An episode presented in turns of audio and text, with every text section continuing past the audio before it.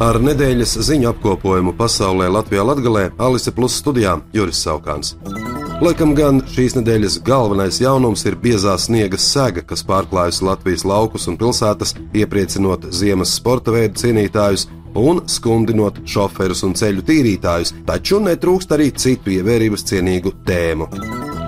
Kanādas jūnijā pieņemtais tiešsaistes ziņu likums sācis darboties. Kanādas valdība paziņojusi par vienošanos ar ASV kompāniju Google, ka tā maksās 67 miljonus eiro gadā Kanādas ziņu medijiem. Meta uz to atbildēja, liedzot lietotājiem Kanādā piekļuvi ziņu saturam sociālajos tīklos Facebook un Instagram. Satiksmes ministrija šonadēļ atbalstīja iekšlietu ministrijas priekšlikumu ieviest transporta līdzekļa vadīšanas tiesību izmantošanas aizliegumu, ja ātrums tiks pārsniegts par vairāk nekā 30 km/h. Portālā Mana balss LV jau savākti gandrīz 9000 parakstu pret šādas likuma normas ieviešanu.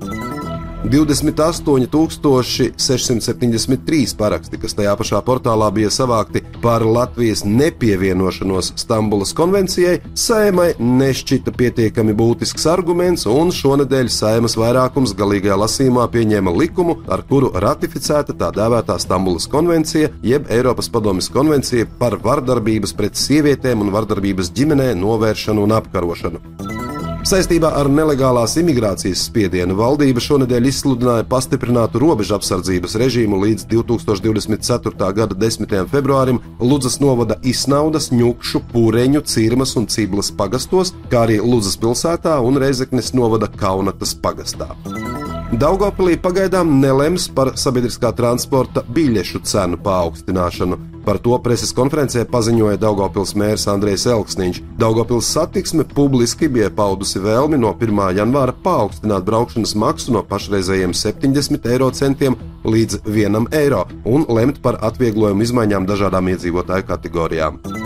Bijušais Daugopils reģionālās slimnīcas vadītājs Grigorijs Semjonovs ir kļuvis par komunālo pakalpojumu uzņēmuma Sijā Prēļu saimnieks valdes priekšstādātāju, nomainot valdes priekšstādātāju pienākumu izpildītāju Ingu Zelču.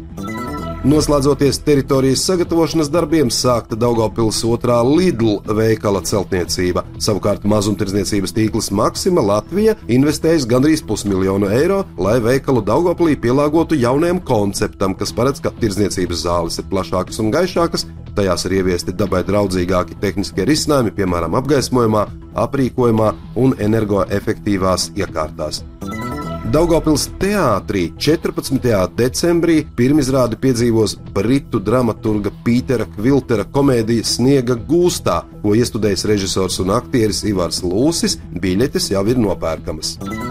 Un noslēdz šo nedēļu 3. decembris, Svētdiena, kas ir gan pret latviešu tautu vērstā totalitārā komunistiskā režīma genocīda upuru piemiņas diena, kad jāizskar Latvijas valsts karoks sēra noformējumā, gan arī pirmā advente, jeb adventes pirmā svētdiena, kas ievada Ziemassvētku gaidīšanas laiku un ir kristiešu liturģiskā gada sākums. Studijā bija Juris Saukāns par nedēļas ziņu pasaulē Latvijā Latgalē saturu atbild Sijā Alise Plus, projektu finansē Mediju atbalsta fonds no Latvijas valsts budžeta līdzekļiem.